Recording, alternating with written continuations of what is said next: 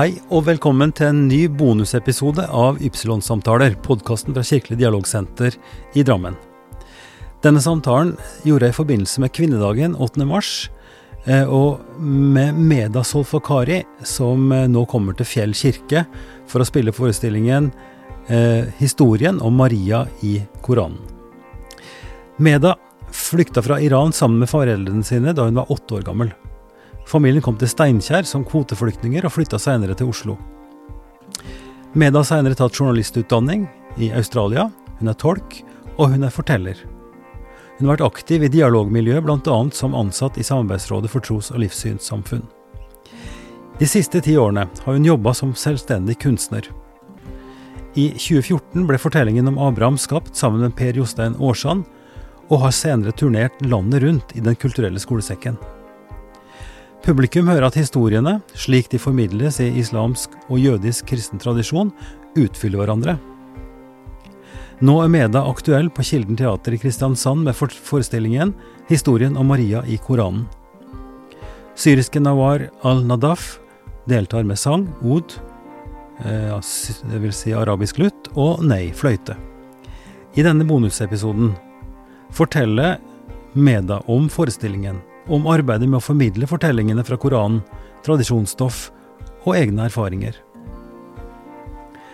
Samtalen ble tatt opp i en hotellobby i Oslo den 3. mars i en pause fra Abraham-forestillingene for videregående skoler i Oslo.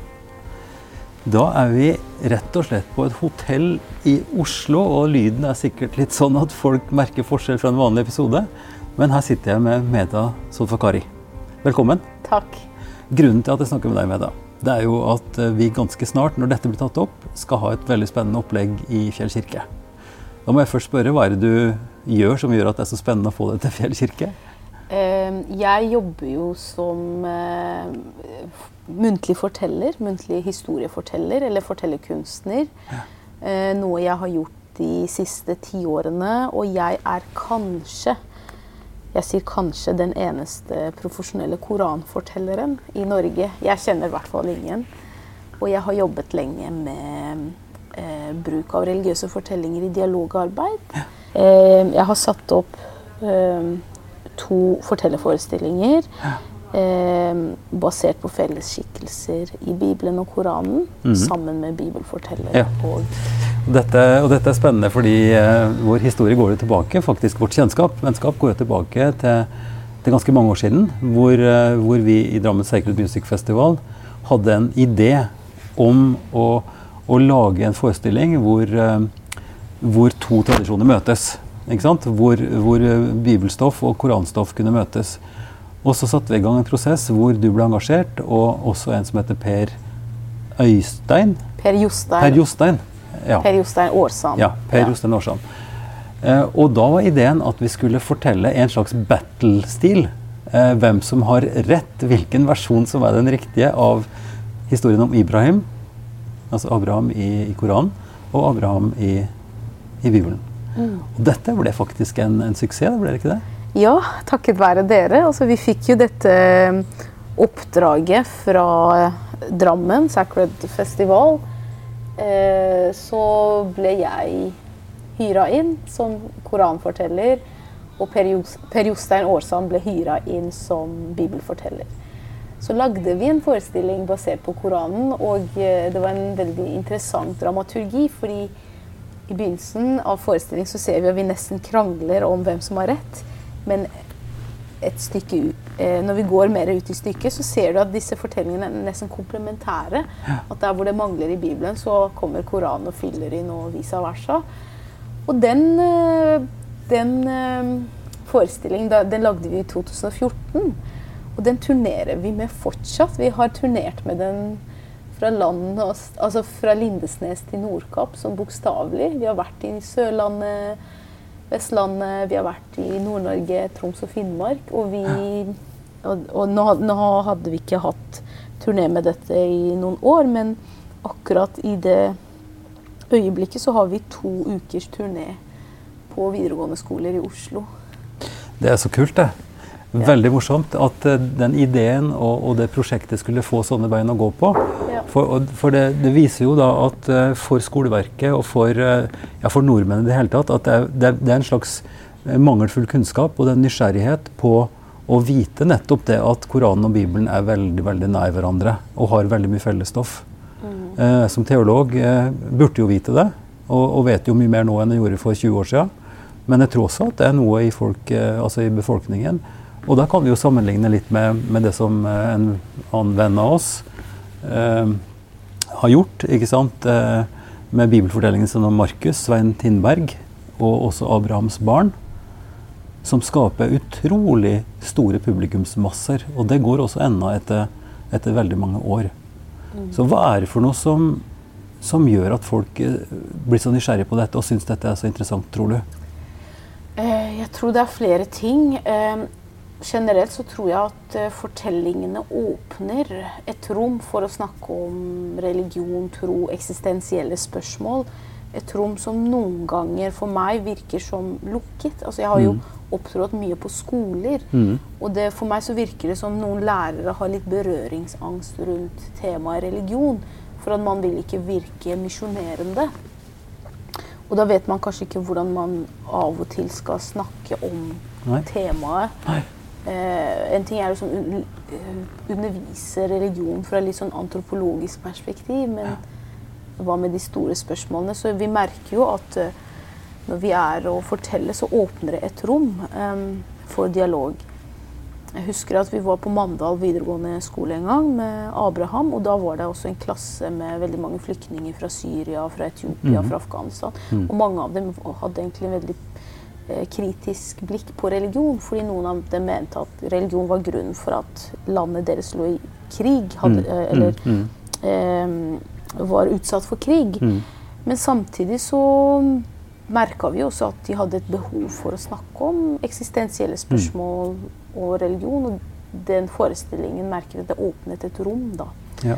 Det er det ene. Og det andre tror jeg er det, dialog, det ren dialogiske. at ute i samfunnet så er det mer fokus på det som skiller oss. Mm.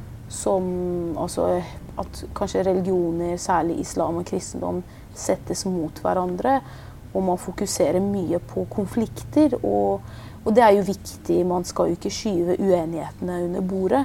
Men samtidig så er det lite fokus på vår felles kulturarv. Mm. Det å snakke om fellesskikkelser som Jesus, som Abraham, som Maria i Bibelen og Koranen. Mm. som er fellesskikkelse, men samtidig så blir de sett fra forskjellige synsvinkler i mm. de ulike religionene. Mm. Og vi merker jo at når vi er ute og eh, opptrer, så blir jo publikum nesten overrasket. At det er så mye likheter. Ja. Eh, F.eks. har vi hatt kristen publikum som aldri visste at det står mer om Maria, Jesu mor, i Koranen enn det, det står i Bibelen. Eller eh, vi har vært i klasse med veldig mange muslimske elever som visste ikke at det var så mye likhet eh, om Abraham i begge to. Nei, men jeg, jeg tror dette er helt, eh, det er helt riktig. Altså at en har, en har, en mangelfull kunnskap om, om de forskjellige tradisjonene. Mm. En har en mangelfull kunnskap om sin egen tradisjon også. Ja. Eh, altså det, det er absolutt et behov for å vite mer om sine egne røtter, sine egne tekster og sine egne fortellinger. Eh, og, og, og, der hadde jo skjedd en endring fra da jeg var barn og til nå. Eh, for da hadde, jo, da hadde vi fast eh, kristendomsundervisning i, i, skolen. Det var en del av liksom, det, det, vanlige pensumet. Og vi satt og tegna og malte om Jakob og Josef og fortellingene om, om Jesus osv. Det var en del av liksom, grunnpensumet. Mens nå så er det jo og jeg tenker at det, det, er både forståelig og sikkert også riktig at en har en større bredde, slik at, at, det undervises i, i, flere ting. Men det blir jo det blir litt grunnere, kanskje, og litt mindre. Så derfor er det et stort behov. Og det, det er jo bevist på en måte nå og illustrert ved, ved, ved Svein Tindberg sine forestillinger, og nå også dine. For Abraham var jo da en første sak. Og det som du skal til, til Drammen med nå, nå på, på kvinnedagen den 8. mars, og som nå går for Eh, med, forestillingen en forestilling på Kilden i Kristiansand, er jo Mariaskikkelsen. Mm. Og du sa nettopp at det står mer om Maria i Koranen, mm. Maria Jesu mor, enn det gjør i Bibelen. For en sånn vanlig kjent bibelleser vil jo huske Maria som Jesu mor, og at det handler om da hun fikk beskjed fra engelen om at hun skulle bli mor. Og så står det så klart noe om henne litt utover i evangeliet, men ganske lite. Ganske beskjedent. Men der er det noe helt annet i Koranen. Ja, eh, i Koranen og islamsk tradisjon. Nå har jeg også i min forestilling tatt både Koran Ja. og eh, islamsk tradisjon, som er tilleggstekster. da. Mm. Eh, Det som kalles had haditer. Hadith-litteraturen, Ja. ja. Og legendestoff. Mm. Men der får vi jo eh, hvis vi skal, fordi Fortellingen om, Jesu, eh, om Maria i Bibelen, som du også nevnte, den begynner jo med kanskje bebudelse om Jesu fødsel. Mm. Vi får ikke vite noe om henne før, eh, før dette. Kanskje i legendestoff det finnes, men ikke i selve Bibelen. Mm. Mens i Koranen så avsluttes Marias fortelling med Jesusbarnet som snakker i vuggen. Ja. Eller snakker i morens fang. Eh, og selve fortellingen om Maria starter fra tiden før hun er født. Mm. Eh, og vi får høre om foreldrene som er barnløse. Og faren får jo en drøm eller visjon, om vi sier at faren var en profet. Da. Han får en visjon at han skal få en sønn som skal være den Messias som jødene går rundt og venter på. Mm. Eh, og da blir jo kona gravid, og så går det jødiske folk og venter spent, Mm. men så blir det født en jente.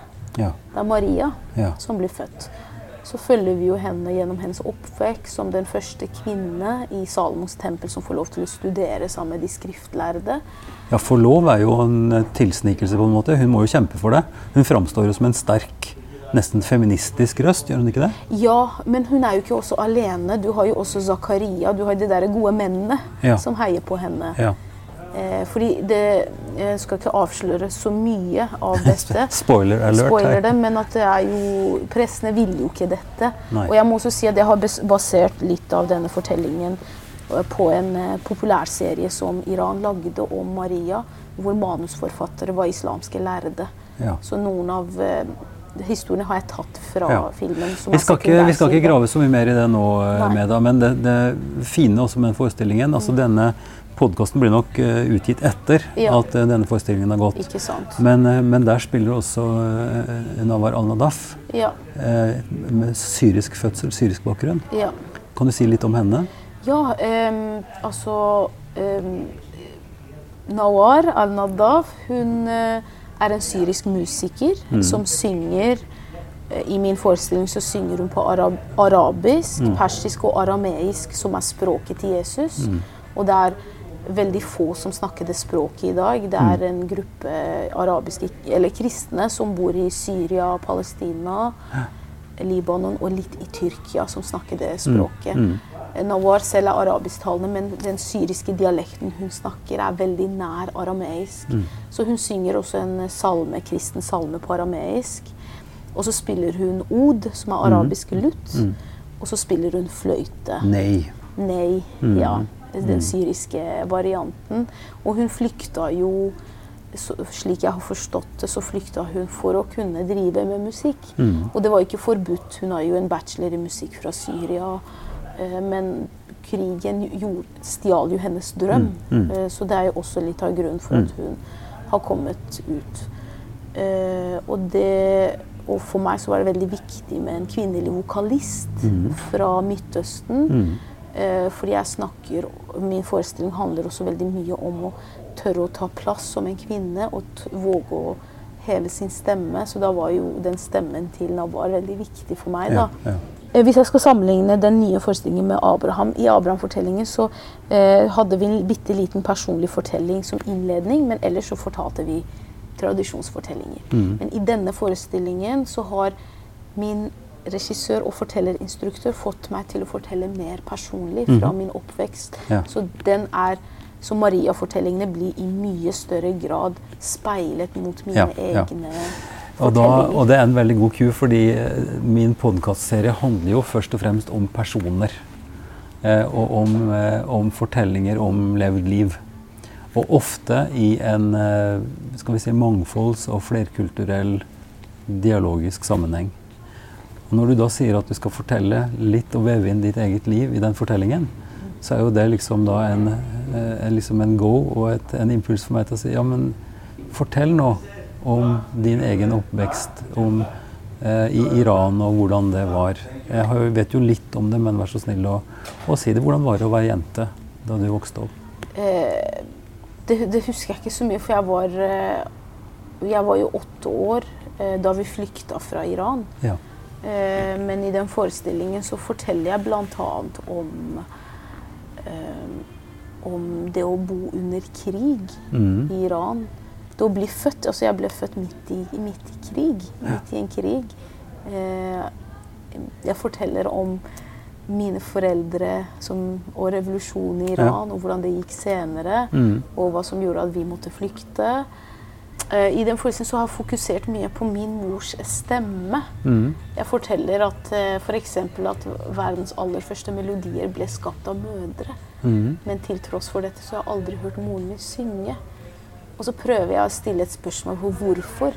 Er det fordi hun kommer opprinnelig fra et land som Iran, hvor det for 40 år siden ble for, forbudt for kvinner å synge i offentligheten? Eller er det fordi det å synge ikke er helt mamma sin greie? Mm. Det er på en måte en innledning. Mm. Og så forteller jeg om eh, at eh, vi levde under krigen, måtte gå til sengs med lyden av sirene, bombefly. Mm. Og hvordan vi eh, Så for å, få oss, for å få oss til å sove, så resiterte moren min Koranen. Ja, ja. Det er noe av det jeg forteller. Eh, og så forteller jeg en historie om hvordan jeg faktisk hørte moren min synge for første gang. Mm. På et sånn, den mest absurde måten. På et sted hvor det faktisk var forbudt for kvinner å synge. Så hørte jeg moren min synge for første gang. Det forteller jeg litt om. Um, Du sier at moren din eh, kanskje var påvirket av det hun ikke kunne synge offentlig. Men når den, når den sangen kom fram altså dette, dette kjenner vi igjen ifra, ifra søstrene med, eh, hva, he- hva heter de? De som Erik Hillestad har hatt så mye framme. ja, Massa og Massa Wadat. Mm. Og Maria heter vel søsteren hennes, tror jeg. Eller Meriam, eller ja, Det er ja, nei. Men i hvert fall de, de søstrene. Og de har jo fortalt mye, og det er jo noe av eh, det store problemet at offentlig sang, altså det å kunne bruke sang som medium i, i en sånn setting hvor det er så strengt. Mm. Mens Erik Hillestad da, eh, ga jo ut den berømte CD-en om 'Lullabies from the Axis of Evil'. Mm. Altså der nettopp voggesangen eh, og mødrene sang til barna trosser enhver på en måte grensesetting. For man vil sine barn det beste. Man synger for barna sine på samme måte hvor som helst det måtte være. Om en har sangstemme eller ikke. Ikke sant? Så, så men, men dette er noen av minnene dine, og, og det å måtte flykte fra Iran, det var fordi at det var krig. Så dere, familien din måtte flykte fordi at det ble ulevelig der, liksom?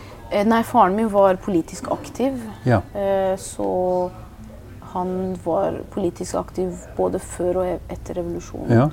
Eh, Før revolusjonen så var han imot shahen, og de var jo på en måte å gjøre en revolusjon. Mm. Fordi de trodde at ting kom til å bli bedre. ja. Så gikk ting fra verre til verst. Så etter revolusjonen så ble han imot de nye myndighetene. Ja. Så ble han arrestert på nytt og satt i fengsel. ja. Og etter at han kom ut, så slapp Når han slapp ut av fengsel, så, så flyktet han. Så vi bodde som FN-flyktninger i Pakistan i ett år. ja. Og så kom vi som kvoteflyktninger gjennom FN til Norge i 1992 og bodde i Steinkjer. ja. Så ja. Så du har uh, trønderdialekt i bånn, da, på norsken ja, din? og den forteller jeg også, så jeg hadde den når jeg flytta til Oslo. Ehm, men eh, ble jo litt dialektmobba. dialektmobba. Så jeg måtte eh, erstatte den trønderske med kebabnorsk. Pleier jeg å si, bare for tull. Ja, ja. um, det var ikke så populært på østkanten Nei. i Oslo. Nei, nei. Ja. Men Ehm, så, så fikk du utdanning, og, og så har jeg jo sett og vet jo at du også har jobba faglig, ikke bare med ikke bare med fortelling, men du har, du har jobba med, med tolking. Altså at du har drevet som tolk. Men du har også jobba i dialogsammenheng. Mm. Ja. Kan ikke du si litt om yrkesveien din? Ja, altså jeg eh, har en bachelor i film og journalistikk fra Australia. En, og når jeg flytta hjem igjen, da var jeg 24 år, eh, da fikk jeg min første profesjonelle jobb som informasjonsmedarbeider eh, i Samarbeidsrådet for tros- og livssynssamfunn. Ja. Og da var jeg ansatt, jeg representerte Nei, ikke nei. noe trossamfunn. Mm. Og det banet jo min vei til å være aktiv i det organiserte interreligiøse arbeidet. da. ja. Eh, Jeg jobba der i tre år. eh, Og da jeg slutta å jobbe i STL, eller Samarbeidsrådet, så fortsatte jeg dialogarbeid på frivillig grunnlag Mm. eh, sammen med en venninne av meg, Iselin Jørgensen, som da var dialogprest i Kirkelig dialogsenter i Mhm. Oslo. Mm. Og Jødisk studentforening, så dannet vi en eh, dialoggruppe for unge kristne muslimer og jøder i Oslo. Mm. Fikk litt støtte og besøkte hverandres trossamfunn og tok opp mm. ulike tema og sånt. Mm. Og da, det var i den tiden jeg fortsatt var litt aktiv i muslimske organisasjoner. Mm. Eh, det slutta jeg med etter hvert, eh, og det kan jeg jo selvfølgelig fortelle hvorfor. Men da, da jeg på en måte trakk meg litt ut av det organiserte muslimske fellesskapet, så har jeg jobbet mer med dialog gjennom fortellinger, da, gjennom Mm. kunst. Mm. Eh, slik sånn som vi snakket om med Abraham, Mm. at sammen med bibelfortellere så har jeg satt opp Abraham ved hjelp av dere eh, i Drammen, og turnert på det på skoler og Mm. kirker. Og, Mm. Så det har vært mye sånn grasrotarbeid da, Ja. Så, så du, du har jobba faglig som ansatt i STL, som det heter. ja. Vært med å bygge opp en uh, samtale-dialoggruppe, som du sier. Mm. Uh, og, så, og så gå fra på en måte et strukturert, uh, organisert arbeid fra livssynssida, så er du nå altså mer frittstående og kunstnerisk Ja. aktør. Uh, scenekunstner og forteller Ja. som bruker det stoffet. Eh, og da vil jo, jeg vil jo si en slags dialogisk hensikt. Absolutt. Eh, absolutt. altså at det, har, at det her henger i hop på et vis. Ja. Ja. Og så, studerer jeg jo nå på Det teologiske, teologiske fakultetet og eh, prøver å eh, I det nye studiet som handler om eh, sjelesorg i et sånn flerreligiøs setting, så jeg prøver å skrive om Nå har jeg, nå har jeg jo et eh, permisjon fra det studiet Mm. Av min ansettelse på Kilden. Ja. Men eh, når jeg eh, går tilbake til studiene, så håper jeg å kunne skrive en mastergrad om bruk av fortellinger i kjælesorg. Mm. Det er det som er målet mitt. Mm. Ja. Jeg har ikke kommet så langt. Mm.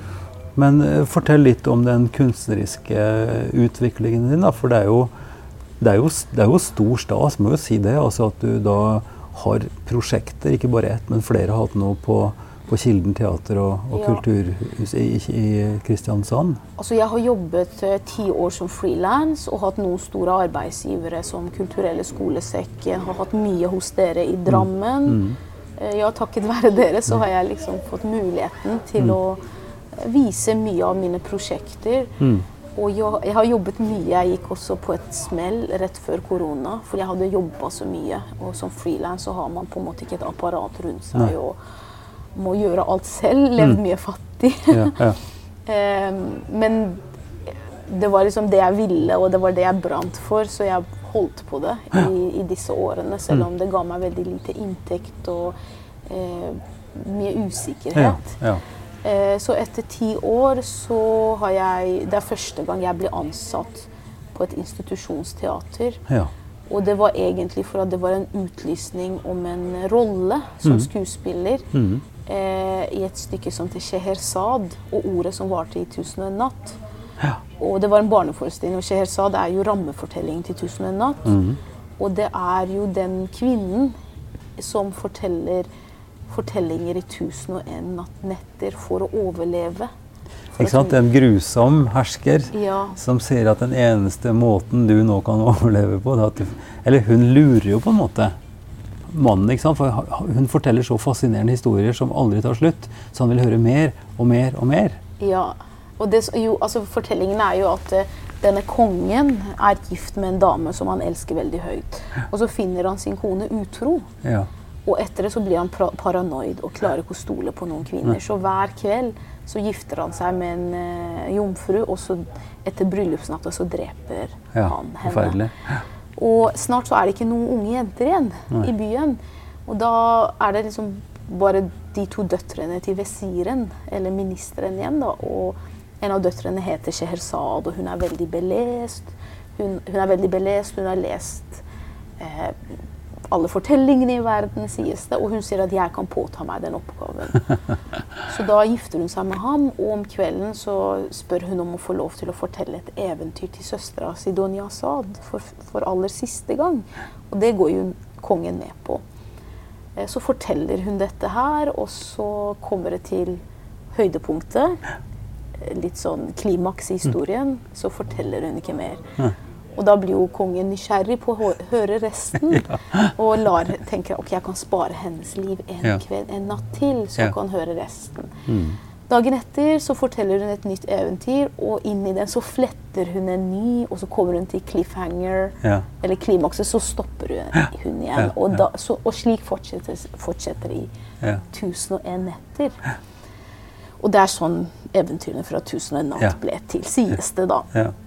Ja. Eh, Så da Kilden satte opp dette, så måtte de jo skrive en barnevennlig versjon av det. eh, For seks til niåringer. Ja. Og det gjorde de, og så var det en audition. Eh, hvor de ville ha ansett en skuespiller. Så ble jeg tipsa om dette. Så tenkte jeg jeg er jo egentlig ikke skuespiller, jeg er jo forteller. Men dette er en rolle om å være forteller. Så da stilte jeg på audition og vant audition. Dro til Kristiansand og var med på audition og vant. Og fikk rollen. Og da pakka jeg sammen og flytta til Kristiansand.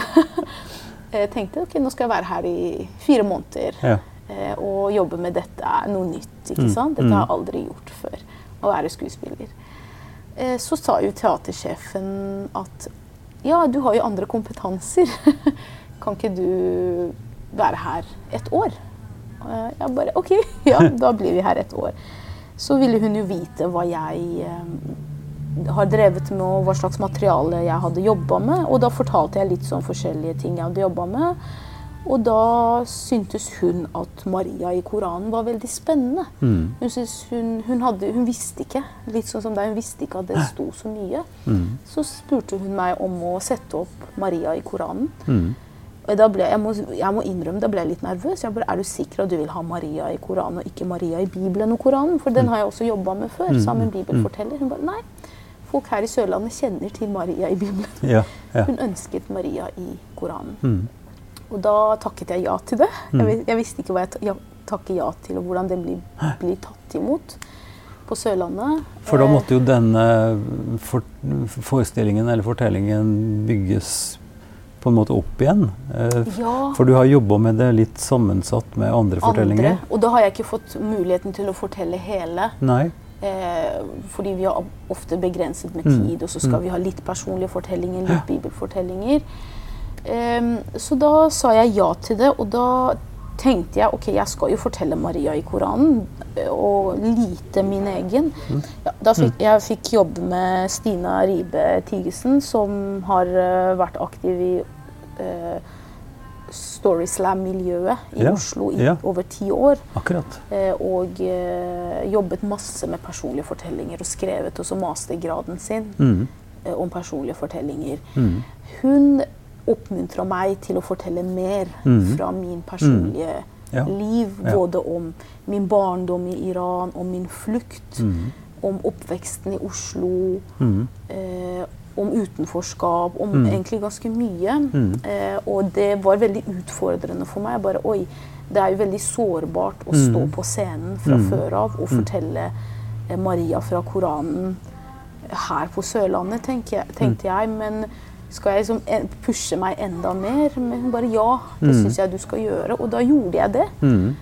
Eh, og gode tilbakemeldinger Og det har Mm. blitt en veldig sterk Mm. fortelling. Gleder meg veldig, gleder meg veldig til å, å se og høre det. Og et, et annet eksempel som er nærliggende for meg å si nå, vi hadde jo Abid Raja eh, som i et bokbad, eh, også i Fjell. Eh, og, og da fylte vi kirka, det var 200 stykker der. Og grunnen, Hva tror du som er grunnen til at så mange ville komme og høre? Og hvor, hvorfor tror du det er så mange som har tatt den boka så til sitt hjerte? Er det ikke, er, er ikke det fordi nettopp at den er, at den er, at den er nær og, og ærlig og ganske Altså, den er jo brutal. Det er jo forferdelig det Abid har, har opplevd. Mm. Men det er noe med den måten han forteller på, så ærlig og åpent, og likevel eh, på en måte som gir mening, da. Ikke sant? Mm. Ja, og ja, jeg har skjønt det. Altså at det personlige er det som treffer. fordi selv om fortellingen om Maria er veldig interessant, så er jo det noe med at man må ta en tradisjonsfortelling og speile det mot dagens samfunn. Mm. Og jeg tror øh, måten vi har jobbet på i Kilden med Stina, og speile det mot mine personlige, den gjør det på en måte mer relevant. da. Ja. Og Mm. setter det i dagens lys. Mm. Så, så det har blitt uh, veldig spennende, men samtidig så er jo det veldig sårbart. Ja. Jeg er jo muslim og troende, men uh, samtidig så har jeg også slitt med noen av de tradisjonelle, liksom patriarkalske maktstrukturene i muslimske trossamfunn. Mm. Eh, som har også gjort at jeg ikke har funnet min plass da, i disse trossamfunnene. Og det, det tar jeg også opp Ja. i dette stykket. Mm. Og det kan hende at det er noen som ikke liker det, at jeg tar det opp. Eller min tilnærming til dette koranmaterialet, Mm. eller min tilnærming til Maria-skikkelsen, kan også være det er mange som ikke er enig i det. Mm. Og det er jo en risiko som vi alltid må eh, stå opp med og, og forholde oss til tenker jeg, når man bruker religiøst materiale i, i en kunstnerisk sammenheng. Eh, du kan si, Hvis vi skal bruke Svein da, Svein Tindberg som et forbilde eller som et eksempel, så fortalte han jo ordrett eller Markusevangeliet først. ikke sant? Og det er jo på en måte safe. Samtidig så vet vi jo at måten du vektlegger ting på, måten du leser teksten på, gir jo også en tolkning. Absolutt. Absolutt. Og når, du går, når han da går videre til apostelgjerningene og det som skjedde eh, med de første kristne, og sånn, og også fletter inn historiske ting og egen refleksjon, og så går videre til, til Abrahams barn, hvor han sjøl skriver teksten og sin egen opplevelse i å grave i det materialet for å kjenne det, så det er klart hans tilnærming blir også veldig tydelig, men så blir en åpner for andre.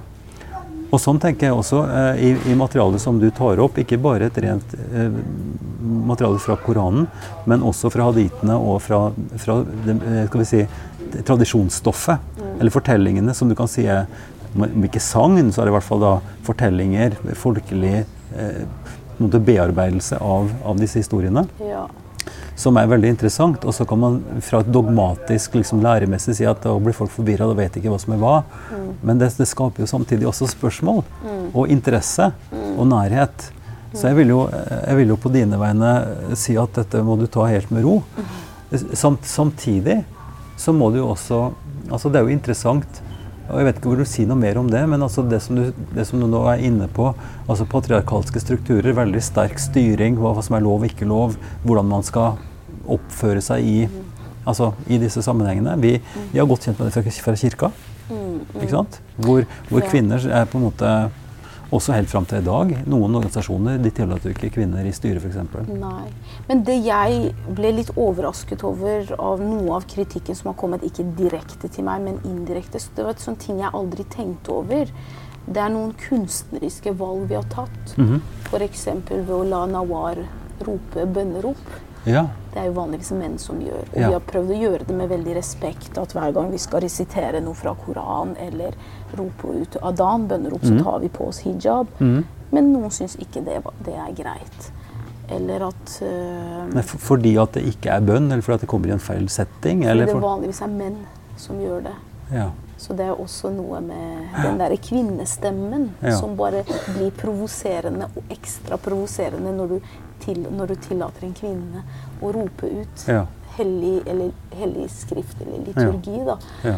Eh, også sånne ting som f.eks. Eh, jeg har jo min bakgrunn i Iran, og der er man egentlig litt vant til religiøs kunst. At man bruker instrumenter, musikk, eh, samtidig som man i, I et sånn religiøs sammenheng, da, mens noen syns f.eks. ikke det er greit at det spilles instrument øh, når det resiteres koranvers. Men Så det der er jo eh, også, også mm. sånne så forestillingen En ting er innholdet, men også har vi også tatt noen kunstneriske valg som er kanskje litt, litt radikale mm. i forhold til hva mm, en del muslimer er vant til.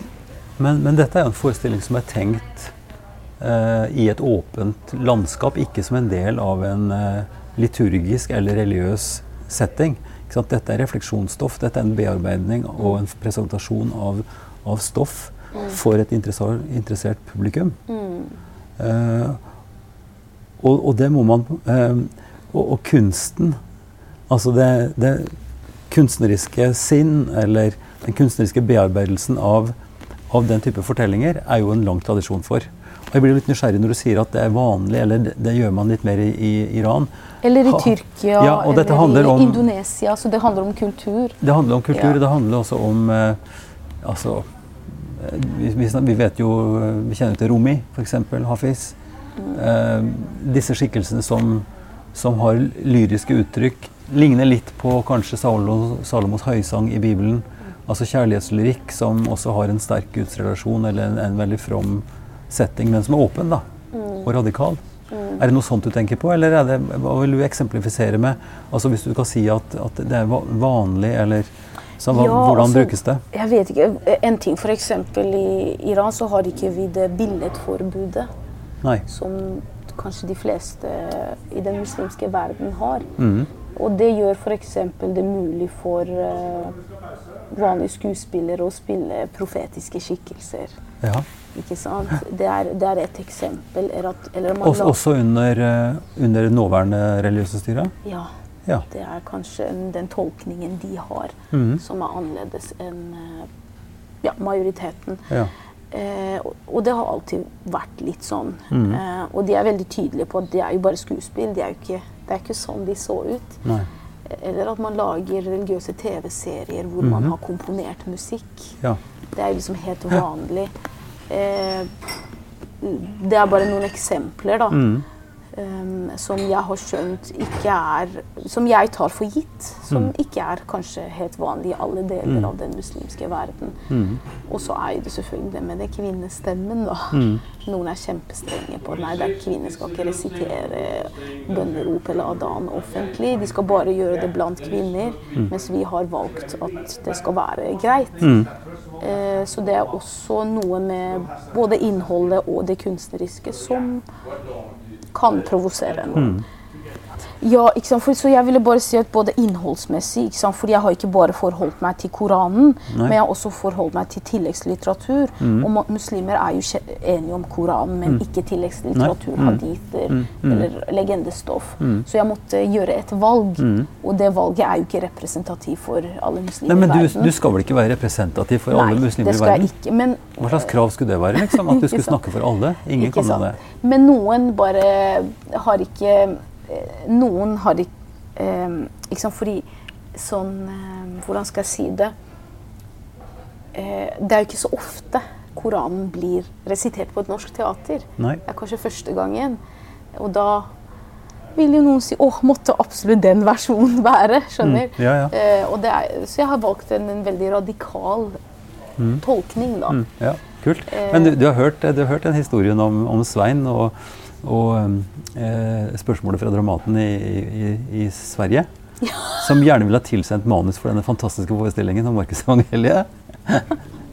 Det, det er noe av det samme, på en måte. Altså at du har en tekst som er klassisk, som fins, som alle har. Ja.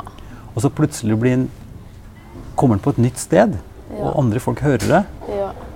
Og så blir det helt nytt. Ja.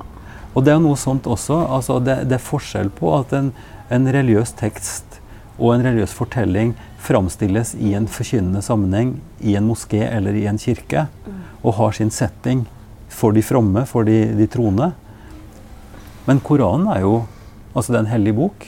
Bibelen er også en, en hellig bok, men den er jo også tilgjengelig og leses. Og Derfor er det interessant også, tenker jeg, å kunne, som du gjør, og som Svein gjør, å løfte det stoffet inn i et åpent rom. Og la folk lytte til det uten at det er forutsatt at de skal være sånn eller slik. Jeg tror vi ikke er så vant til det når det kommer til Koranen. Nei. Å tenke på den måten Nei. du gjør. Fordi min opplevelse er at de litt sånn patriarkalske tolkningstradisjoner har altfor lenge hatt monopol. Mm -hmm. I hvert fall når, når vi snakker om islam i Norge. Ja. Det er min, eh, min erfaring. Mm. Eh, og jeg mener at det arbeidet jeg gjør, er radikalt og bryter veldig mye med det. Mm. Og det kan hende at noen ikke syns er greit, fordi de ikke er vant til det. Mhm. Men skaper det interesse og Eh, og, og, nysgjerrighet også i et skal vi si et ungdommelig eller i et skal vi si sekulært muslimsk miljø. Altså ikke sekulært ikke-troende, men som ikke er så inn på en måte så, så praktiserende. da. Altså, jeg det, det, som jeg, og jeg, jeg, spør fordi at det, det, er jo det som skjer med Bibelen. Altså Hvorfor fylles teatrene og kulturhusene med folk står i kø, og det er mange forestillinger av vanlige folk? Altså det er jo Noen av ganske mange går kanskje til kirka på, på julaften, men knapt nok det. Det blir interessant av andre årsaker, og det åpner seg for flere. Og det tenker jeg må jo være veldig interessant. Jeg tror og håper at den kan vekke stor nysgjerrighet, spesielt blant unge generasjon muslimer, som er kanskje som meg, som er vokst opp og er eh, troende muslimer, praktiserende muslimer, men som ikke alltid føler seg hjemme i noen av de etablerte trossamfunnene. Jeg håper og tror at det vil være veldig relevant for dem. Og mm. til og med de som blir provosert eller ikke er helt enig med det jeg eh, representerer på scenen. Jeg tror også det vil skape en eller annen form for uh, dialog eller um, indre utvikling, da. Mm. Det er i hvert fall det jeg tør å hevde mm. om min forestilling. Ja. Ganske store ord, men Nei, men dette, dette, er veldig, veldig, veldig bra og interessant, så, så, jeg ønsker deg lykke til med det. Jeg lurer på også om du, om du kunne Om du har lyst til å si noe om eh, på en måte hva som skal til, eller, eller la meg omformulere det. Vi har nå, vi har nå snart kvinnedagen, og vi har eh, i Norge nå en lang tradisjon siden Bjerkås ble første prest. ikke sant? Da jeg gikk på Menighetsfakultetet i 1975, ble den første kvinnen ordinert eller gikk på praktikum. Hun ble seinere biskop. Mm. Eh, og vi har nå etter hvert like mange, og snart flere biskoper, kvinnelige biskoper i Norske kirke enn menn. Vi har eh, en stor bevissthet rundt teologiutvikling, altså kvinnelige teologer som, som legger vekt på et et sånt perspektiv. Eh, og, og, dermed befrukter eller gir ny, ny impuls til teologien. Eh, hva ser du for deg, eller hva tenker du? Altså, for du, du, sa jo i utgangspunktet her at du, du, har trukket deg ut fordi at du følte det ble vanskelig. Altså, kanskje underforstått at du ikke fikk plass, eller du, du fikk ikke gjort det du ville, eller noe i den stilen der. Hva skal til? Hva, du, hva ser du for deg av utvikling? Hvis vi ser veldig generelt på det, da, innenfor den muslimske teologien eller muslimske miljøene i, i Norge? Jeg tenker at en eh, forandring må jo først og fremst komme innenfra. Ja. Men også med støtte utenfra.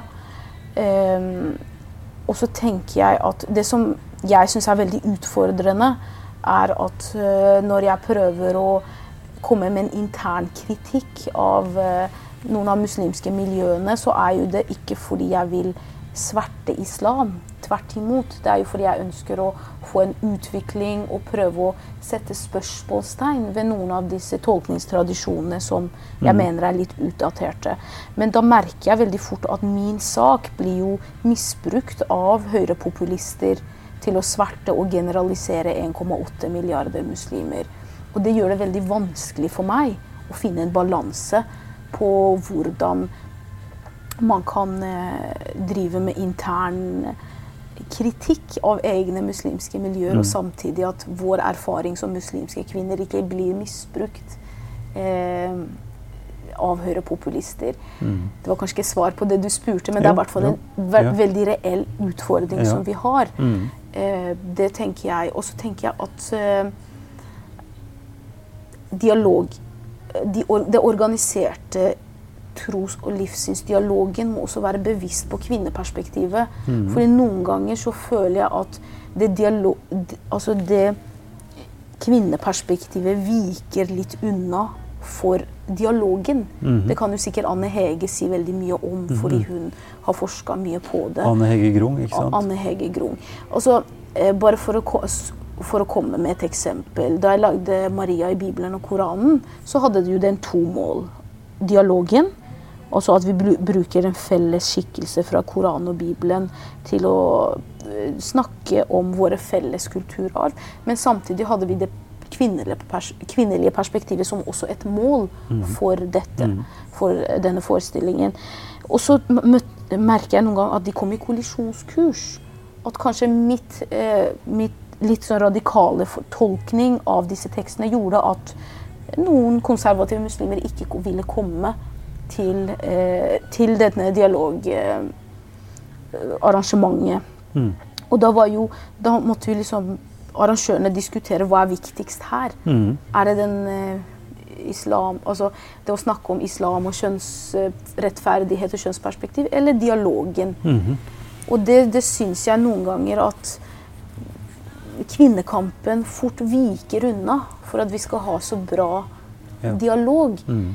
Men jeg tror at vi aldri klarer å få en ordentlig ærlig dialog og bekjempe islamofobi så lenge vi ikke snakker om kvinners rettigheter i islam eller skeives rettigheter. Fordi det er jo nettopp kvinner og skeives rettigheter som mange høyrepopulister misbruker for å sverte islam. Mm. Så det håper jeg også at dere som en dialogaktør er veldig bevisste på Ja. Ja. når dere skal drive med dialog videre, og hvem er det dere velger som deres, deres eh, dialogpartner. Jeg vet jo at dere også har hatt litt sånn, visse utfordringer med det, uten å gå veldig dypt inn i det. Mm. Ja.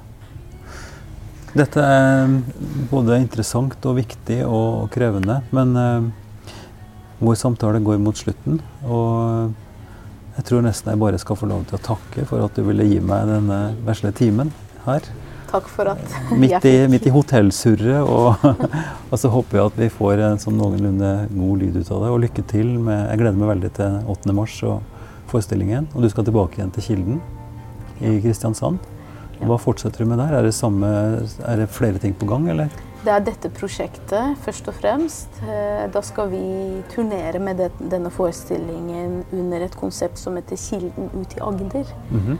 Eh, som er ganske nytt, fordi vanligvis er det publikum som kommer til Kilden. Ja. Men eh, nå har de starta et konsept som til Kilden ut i Agder, hvor det er Kilden som går. Ja. Reiser rundt i bygda eller Ja, ja. forskjellige steder i Agder og viser eh, forestillinger. Mm. Så jeg tror vi skal eh, reise med den forestillingen både til Setesdal og forskjellige steder. Mm, Spennende. Og det gleder jeg meg til. Flott. Tusen takk, Meda, og lykke til. Takk. Takk for at jeg fikk dele. Du har nå hørt en bonusepisode i Ypsilon-samtaler. Podkasten gis ut normalt hver torsdag morgen, eh, og den er støtta av eh, Drammen kommune gjennom IMDi-midler, gjennom Barne- og familiedepartementet og gjennom Einar Juels legat. Vi ber alltid om tilbakemelding, og syns det er fint hvis du kan sende en mail til Ivar, krøllalfa, kirkeligdialogsenter.no, med forslag og innspill. Vi høres!